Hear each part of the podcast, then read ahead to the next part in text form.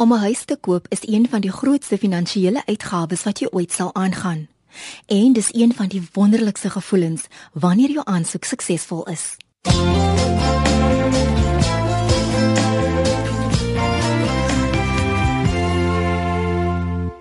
Ek is Olivia Sambo en jy's ingeskakel op Rand en Sent op RSG 100 tot 104 FM. Baie welkom. Om 'n huis te koop is een van die mees opwindende dog senitergende ervarings in jou lewe. En dit kan nooit ligtelik opgeneem word nie. Voldoende navorsing en genoeg geld is nodig wanneer jy die groot stap neem. Want jou berekeninge moet so akkuraat moontlik wees om later onaangename skokke te vermy. Eiendomme kan direk van die bank, deur 'n agent of selfs op 'n veiling gekoop word. Die tendens om eiendomme nou op veilinge te koop en verkoop is besig om toe te neem in Suid-Afrika. At 4 million rand a bit. At 4 million rand a bit now let's make it 4 and a quarter. I'll take 4 and a quarter now 4.1 he says 4.1 4.2 4.2 4.3 4.4 Veilings was eers beskou as plekke waar mense wat insolvent verklaar is of onder likwidasie geplaas is, hulle eiendomme van die hand gesit het. Maar die persepsie is aan die verander in Suid-Afrika. 'n Afslaer van Klemaat Afslaers in Kaapstad, MC De Toey, sê meer verkopers begin nou die opsie te kies om hulle huise te verkoop. Op hierdie stadium kan ek sê ten minste 90% van ons verkope kom van private verkopers wat net normaalweg hulle eiendom in die mark sit. Hulle verkies die manier om dit 'n veiling te doen. Dis 'n eenvoudige proses en is 'n maklike proses. So ook nie dat hulle hulle eiendom nou 'n afslag op hulle eiendom sit nie. Dit is glad nie die geval nie, want op die einde van die dag het jy jou prys. Die mark kom, die mark bi, die mark sê vir jou dit is wat ons bereid is om te betaal en op die einde van die dag bly dit jou keuse of jy bereid is om daai bedrag te aanvaar en of nie. Jy hoef glad nie die bedrag te aanvaar nie, alhoewel soos ek sê, ons bemark baie goed en ons kry die kopers by die veiling. So hulle sal dan tussen mekaar onderhandel as mense dit so kan stel en dan die hoogste bod word dan voorgelê aan die verkoper. Voornemende kopers moet ook die volgende dokumentasie hê om te registreer by die veiling. 'n Kopie van jou ID-dokument en dan bewys van verblyf. Ehm um, bewys van adres um, actually. Dan op eiendomme die verkoopsvoorwaardes verskil. So maak seker jy het um, jouself verwittig met wat die kontrak sê gewoonlik is dit by ons is dit 'n 5% deposito, 10% afslaerskommissie wat dan direk na die veiling neergesit word. Dan het jy gewoonlik 30 dae om jou waarborge te lewer. So jy kan binne daai 30 dae 'n verband kry by die bank. Dit is natuurlik 'n persepsie wat eintlik by mense is dat jy moet die kontant by die veiling hê. Dit is nie die geval nie. Jy moet wel die 5% deposito en die 10% afslaerskommissie moet jy byderhand hê op die dag van die veiling. Dit moet na die veiling gedoen word. Dan het jy nou jou 30 dae vir jou waarborge waarna jy bank toe kan gaan, verband kan kry, al daai nodige dinge doen. Dit is presies dieselfde as wat jy dit by 'n eiendomsagent kan doen. Kopers moet ook onthou dat jy nie die transaksie mag kanselleer as jy suksesvol op die eiendom gebied nie. Kopers moet hulle ook gewis met al die inligting omtrent die eiendom voordat hulle koop. En dis waarom ons die besigtigingsdae het en waarom ons so baie werk insit om die regte inligting vir kopers kan gee. Want wanneer jy by op 'n veiling is jy gebonde aan daai bodprys.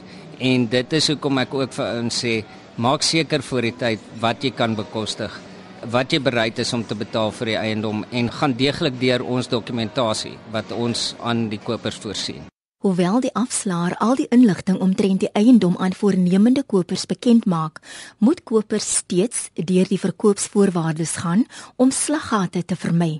Die enigste slaggat wat ek uh, aan kan dink sal byvoorbeeld wees die uitstaande belasting en munisipale kostes. In sekere gevalle by veilinge is dit die koper se verantwoordelikheid, maar dit moet deur die afslaer baie duidelik gemaak word en ook die bedrag gegee word vir die koper. Ons doen dit en dit gebeur baie selde dat dit die geval is. By meeste van ons veilinge is dit die verkoper of dan nou die boedel se verantwoordelikheid om daai uitstaande belasting en munisipale rekeninge te betaal. MC het die volgende wenke vir kopers wat eiendomme op veilinge wil koop. Ek sê altyd vir die kopers, maak seker jy het al jou huiswerk gedoen voor die veiling. Maak seker jy het gaan kyk na die besigtigingsdae. Ons het uh, by Klemart doen ons uh, Sondag besigtigingsdae presies dieselfde as wat dit by enige ander verkoop van 'n eiendom sal wees en dan ook losbates. Ons gee vir julle vir al die kopers 'n geleentheid om te gaan kyk, seker te maak wat hulle doen en gaan dan ook en maak seker dat jy weet wat jy kan betaal. En moenie oor daai bedrag gaan nie. Al word jy weggevoer in die veiling, wat kan gebeur? Maak seker dat jy net by jou bedrag bly wat jy weet jy kan bekostig en wat jy weet 'n uh, eh, regte prys is vir jou. Once, twice at 4.8 million rand now, no more. En so sê MC De Toey van Claymaat Afslaers in Kaapstad. Jy luister na Rand en Sent op RSG 100 tot 104 FM met my Olivia Sambo. Ons gesels vandag oor die verskillende opsies wanneer jy huis koop. Onthou jy kan die program aflaai in MP3 formaat by rsg.co.za. Meyer de Waal, 'n prokureur van Oosthuizen en Kie in Kaapstad, sê bitter min mense is werklik voorberei vir die koste wat gepaard gaan met die besit van 'n eiendom. Hy sê mense doen meer navorsing wanneer hulle 'n selfoon koop as met 'n belegging wat hulle moontlik vir die volgende 20 jaar sal betaal. Voornemende kopers verstaan ook nie hoe die kostes bereken word wanneer jy aansoek doen om 'n verband nie. So ons help 'n koper om amper soos 'n AA toets te doen voordat jy huis koop. Ons help jou eers om te kyk na jou eie portefeulje voordat jy huis koop en dan help ons jou ook om te kyk na die kontrakte wat jy gaan teken om seker te maak dat die dokumente korrek is. As jy nou jouself kyk, begin jy heel eers met 'n kredietrekord nasoek na jou eie profiel. Ons het agtergekom dat as jou profiel of jou punte te laag is, dan sal die bank baie keer jou rentekoers vir jou verhoog. En die rede hoekom dit verhoog is omdat hulle reken jy's 'n hoër risiko. Die verhoogde rentekoers kan 'n geweldige verskil aan die prys maak wat jy uiteindelik betaal. Die navorsing en berekenings wat ons gedoen het, wys dat as jy 2% hoër as prima koers gelaai word vir 'n verbandkoers, dan kan jy tot 32% meer vir jou eiendom terugbetaal oor 'n periode van 20 jaar wat dit gewoonlik vat om 'n verband terug te betaal. As jy kyk na 'n miljoen rand eiendom, dan betaal jy eintlik 1.3 miljoen rand vir daai eiendom en dis nogal 'n klomp geld. So ons stel altyd voor, doen eers jou krediet nasoek. As jou kredietpunte te laag is, dan help ons jou eers om daardie punte hoor op te stoot. Sodat as jy na die bankbestuurder toe gaan of die bank gaan om aansoek doen vir 'n lening, dan staan jy nie op jou knieë nie, maar jy kyk jou bankbestuurder of die verband konsultant reguit in die oë en jy beding met 'n met 'n sterker hand. Ander faktore vorm ook deel van die berekeninge. Nou die tweede ding wat ons na kyk is jou bekostigbaarheid. Die bekostigbaarheid gaan ook vir die bank vertel hoe jy jou verband kan terugbetaal. En hoe sterker jou bekostigbaarheid, hoe laer is jou risiko. Hoe laer jou risiko, hoe laer jou rentekoers. En die derde punt wat mense na kyk is jou sekuriteit wat jy neersit. Dit is 'n deposito wat jy neersit. Almal probeer altyd om 100% lening te kry, wat natuurlik baie lekkerder is vir kontant vloei, want dan hoef jy nie 'n 10 of 'n 15% deposito neer te sit nie. Oor die algemeen sien ons dat die banke kyk na omtrent 'n 15% deposito. Nou dit help vir die bank ook om die risiko te verminder. Die bank kyk daarna dat jy self 'n bietjie risiko in die hele konsep het van huis koop. So daarom sal dit ook hou daarvan as jy 'n deposito het en daardie deposito sal vir jou dan help om 'n lae rentekoers te kan beding. Volgens die Suid-Afrikaanse Inkomste Diens word here regte slegs betaal op eiendomme van meer as 750 000 rand. Die bedrag beloop 3% van die totale koopprys indien die eiendom hoër as 750 000 rand is, maar dit styg soos die koopprys hoër word. Al is die eiendom wat jy koop minder as 750 000 rand, is daar steeds ander uitgawes wat jy moet betaal. Min kopers maak voorsiening vir die ekstra kostes wat betaal moet word voordat die eiendom in hulle naam geregistreer word. Die oordragskoste bestaan uit die uitgawes wat gedek moet word tydens die kooptransaksie. Dis die prokureur wat die transport hanteer, dis die prokureur wat die verband hanteer en dan het die bank ook 'n administrasiekoste. En dit moet eers betaal word voordat die oordrag kan deurgaan. Voornemende kopers moet ook probeer om 'n inspeksieverslag te kry voordat jy die kontrak teken. Dis veel goedkoper om die inspeksie voor die tyd te doen as wat dit na die tyd sal kos om die strukturele foute na die tyd te probeer regmaak. Die algemene persoon het nie 'n idee van die toestand van 'n huis van sy strukturele probleme. Wat gaan binne kan die dakkappe aan? Is daar byvoorbeeld lekke? Ons kry baie keer geval wat iemand na die tyd bel as die winter nou begin wat hy in die somer gekoop, dan lek die dak. Dan sê die voorheenaar, maar ek het nie geweet daar's 'n lek nie. Dan klim iemand in die dak dan staan daar sewe emmers in die dak. Dan weet jy daar was lekker geweest, maar gelukkig was hulle die huis in die somer verkoop in die Kaap waar dit min reën. In die winter dan kom die reën en dan kry ons baie dak dak lekker. So ons beveel aan 'n uh, inspeksieverslag. Daar's 'n hele paar maatskappye wat vir jou uitgaan en daardie inspeksie doen deur 'n professionele maatskappy vir jou sekere 7 na 8 bladsy verslag gee van elke ding, elke kraakie, elke strukturele probleem. Maak ook seker dat die kontrak so ver moontlik alle strukturele probleme dek, want in baie gevalle word slegs 'n klein deel van die probleem in die kontrak gedek. Hierdie week het ek 'n probleem gehad van 'n dame wat terugkom, daar's kewers in haar vloer. En jy kan sien sy neem vir my foto's van sulke hoopies wat die kewers maak. Dit lyk of hulle sandpedaal so het. En toe sy toe vra ek van my gaan kyk in die kontrak. Toe sê sy maar die die, die ja, dit sê ja, dit moet 'n kewer sertifikaat wees. Toe vra ek van my gaan kyk watse tipe kewers. Toe kry sy 'n tweede verslag in en die persoon het gaan kyk dat die kewers wat nou na kontrak gedek word, is nie die vloerkewers nie. So al wat hulle voorgedek het is die kewers wat in die dak voorkom. En daar's omtrent 7 of 10 verskillende soorte kewers wat in jou huis kan voorkom. Voornemende kopers word ook aangeraai om so ver moontlik stipulasies in die kontrak uiteen te sit, want die voorwaardes in die kontrak is wat jou gaan bind vir so lank as wat jy die eiendom gaan besit. Doen deeglike navorsing en dink goed na oor wat jy werklik nodig het om jou lewe in die huis so gerieflik moontlik te maak. Iemand het na na die hof toe gegaan en die verkoper aanspreeklik gehou vir nie bouplanne nie. Toe die regter gesê niemand het 'n geweer teen jou kop gehou om daardie koopkontrak te teken nie. Jy kon die kontrak onderhewig gemaak het dat ek die volgende soos 'n bouplan soos 'n kewersertifikaat wou gehad het voordat die oordrag deurgaan. So ons voel dat die publiek moet hulle self beter inlig oor al die slaggate wat daar kan wees om eiendom te koop voordat jy jou pen op papier sit. Dit dan Meyer de Waal van Oosthuizen en Kie. Jy's ingeskakel op Rand en Sent op RSG 100 tot 104 FM met my Olivia Sambo. Jy's welkom om my te kontak by olivia.sambo@gmail.com as jy enige vrae of kommentaar oor die program het. Jy kan ook 'n SMS stuur na die ateljee lyn by 3343.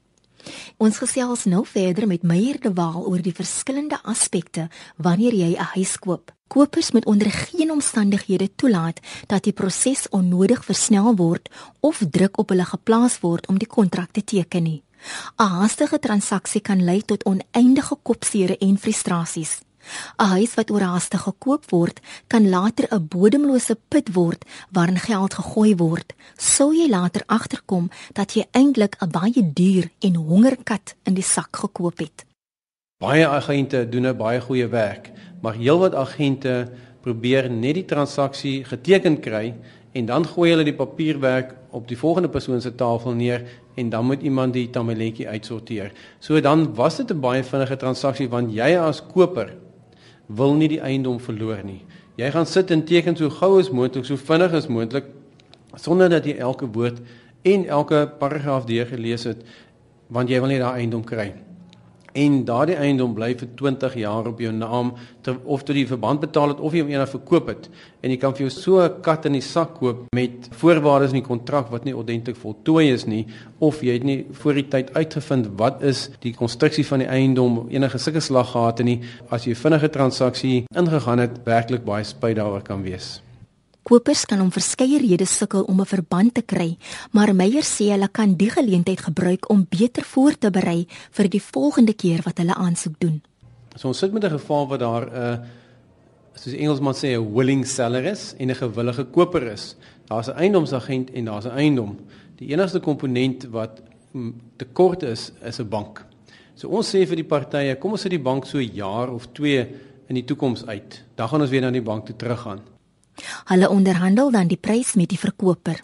Kom ons gebruik sommer net 'n voorbeeld van 1 miljoen rand.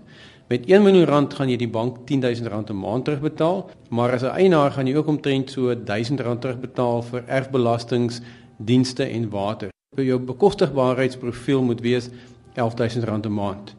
As jy daai selfe eiendom gaan huur in die open mark, as 'n gewone huurder, gaan jy omtrent R6000 'n maand betaal. So nou sê ons vir die verkoper, ons wil graag 'n wortel voor sy neus hang, want ons wil graag ook vir hom 'n goeie transaksie bymekaar sit. So hy gaan nou R6000 'n maand kry nie.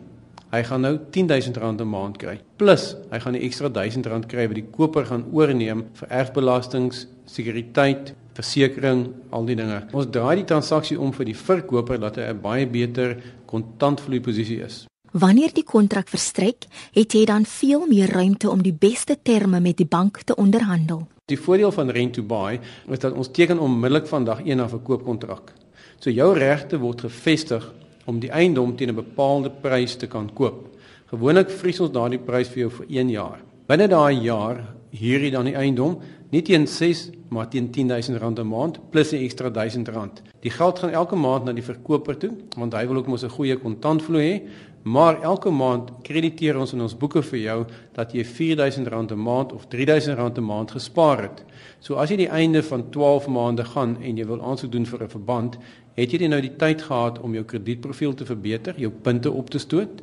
Jy het tyd gehad om van jou skuld ontslae te raak, miskien klein rekenings te betaal, so jou bekostigbaarheid het jy opgestoot en boonwaarde dit het jy ook nou vir 'n deposito gespaar. So nou kan jy na die bank toe gaan met 'n sterk handskit. Jy kan die bankbestuurder in die oë kyk en sê ek het die drie elemente wat nodig is. En jy het vir jouself getoets in daardie afgelope jaar. Kan jy werklik vir jouself bewys en vir die bank bewys ek kan werklik daardie verband bekostig?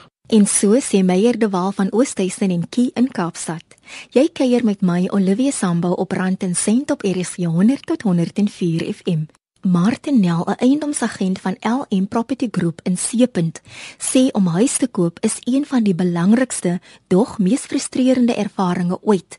Maar dit is belangrik dat jy deeglik navorsing doen. Kyk maar eers bietjie na die koerant, kyk wat's beskikbaar, praat met vriende wat nou al gekoop het, hoor maar nou by kollegas, mense by die werk wat onlangs gekoop het, hoe hulle dit ervaar het, wat hulle gedoen het, wat 'n wenk hulle vir jou kan gee. Maar ek dink op die einde van die dag moet jy jou eie huiswerk doen. Martin raai kopers aan om heel eers by die bank te hoor vir watter bedrag hulle kwalifiseer voordat hulle 'n agent nader. Hy sê dis uiters frustrerend vir 'n agent om met die kooptransaksie te begin net om te ontdek dat die kopers nie vir die bedrag kwalifiseer nie. Gaan na jou eie bank toe, vra vir 'n konsultant om jou te help met die kwalifiseringsproses Hulle gaan jou natuurlik vir betaalstrokies vra as jy jou eie maatskappy het of ene dan gaan hulle finansiële staat vir 'n langer tydperk vra. Wat hulle doen is hulle gaan nou deur jou portfolio, hulle kyk na jou kredietwaardigheid. Ek sê altyd vir kliënte maak seker dat jy jou rekeninge betyds betaal. Sou jy dit nie doen nie, gaan dit in jou tel en dit verminder jou kans om 'n goeie lening te kry. Die rentekoers in Suid-Afrika is nou die laagste wat dit in 30 jaar was. Daar is egter nou aanduidings dat dit binnekort sal begin styg. Om die rede waarsku Martin ook dat jy nie die maksimum bedrag moet neem waarvoor jy kwalifiseer nie, want jy moet voorsiening maak in jou begroting vir moontlike rentekoersstygings later. Ook mag jy dalk ekstra geld nodig hê om verbeteringe aan jou eiendom aan te bring na jy dit gekoop het. Jy koop nooit 'n perfekte huis nie. Jy gaan altyd intrek en 'n paar maande daarna sien jy die persmuur is nou nie jou gunsteling kleur nie en jy wil dit nou verander of jy wil 'n garage aanbou of mens wil die kombuis groter maak of 'n derde slaapkamer aanbou, daai tipe van goed wil mense altyd doen. Ek sou sê mens moet nooit die maksimum lening maak nie. Mens moet ingeaghou die rentekoers kan opgaan, jy kan jou werk verloor. Finansiële verknorsings is ongelukkige realiteit. Mens moet altyd voorsiening maak en ek sou sê om jouself nie in die knyp te kry nie, kry iets wat jy kan bekostig wat realisties is. Die koopprys moet ook nie die enigste deurslaggewende faktor wees nie. Die ligging van die eiendom, die tipe area, die afstand en nog ander aspekte moet ook oorweeg word. Ja, as die transaksie gedoen is en die huis op jou naam geregistreer is, is dit moeilik om uit te kom, jy weet. So jy moet kyk na jou area, is dit naby skole, hospitale, publieke vervoer, winkels naby, jy weet, is dit toeganklik? Jy kan dalk 'n huis koop vir baie goedkoop maar waar jy nou nie naby aan alles is nie en dit is 'n probleem vir al mense wat nie vervoer het nie wat elke dag ver moet reis om by die skole en werke uit te kom. Vra jou agent wat het in omlangs in die area verkoop. Uh, hulle kan vir jou lys gee van eiendomme wat omlangs verkoop het. Dit help jou om vas te stel wat die prys is of jy nou 'n realistiese prys gaan betaal. Kopers wat vir die eerste keer huis koop, weet nie dat die prys onderhandelbaar is nie. Dit beteken jy hoef nie die prys te betaal waarvoor die huis geadverteer word nie. Martin moedig kopers aan om dit tog te onthou wanneer hulle begin onderhandel. Mense is altyd bietjie bang of jy voel dat jy dalk die verkoper gaan beledig as jy 'n laer prys maak. Meeste mense wat nou al gekoop en verkoop het, het nou al agtergekom dat die die prys wat jy sien is ten minste 15 of 10% verhoog. Die rede vir dit is kyk enige verkoper wil soveel as moontlik vir sy huis hê en die koper wil so min as moontlik betaal. So die agent se betrokkeheid hierso is om die koper te lei asook na die verkoper se belange te kyk. Op die einde van die dag wil jy soveel as moontlik vir die verkoper in sy sak kry en dieselfde vir die koper. Jy wil voel dat jy die koper gehelp het en vir hom 'n goeie deal soos hulle in Engels sê beklink het. En meeste mense sien die vraeprys en hulle gaan in 10, 15%, soms 20, 25% onder vraeprys. Die verkoper mag dalk desperaat wees of hulle weet dat die huis deur die bank gaan teruggeneem word. Mense wil op die einde van die dag wil jy wil jy wegloop en voel dat jy 'n goeie koopie gehad het. Jy is ingeskakel op Rand en Sent op RSG 100 tot 104 FM. Ek is Olivia Sambo. Baie welkom as jy sopas ingeskakel het. Wanneer jy besluit om die huis te koop, is dit 'n goeie idee om die huis meer as een keer te besigtig voordat jy teken. Wat ek aanraai is gaan kyk na die huis in die oggend, gaan kyk om na dit in die middag, uh, in die aand kyk wat die verkeer doen. Baie gaan kyk mense na huise op 'n naweek waar die verkeer stil is en dan nou die dag as jy intrek sien jy hoe erg die verkeer is. As jy in die oggend kyk, sien jy nou nie hoe dit lyk in die aand nie. As jou bure dalk raserig en daardie tipe van ding. So dit is 'n goeie idee om twee keer na die plek te kyk as jy voel dat jy iets gemis het. As jy nou ernstige koper is, sal die agent toelaat. Dit is nie ongehoord van nie. Dit is 'n feit dat mens soms twee keer na 'n plek moet kyk voordat jy finaal wil besluit. Deeltitel en volle titel eiendomme in komplekse gaan ook gepaard met ekstra kostes. Maak seker jou agent lig jou in oor al die verskillende maandelikse uitgawes.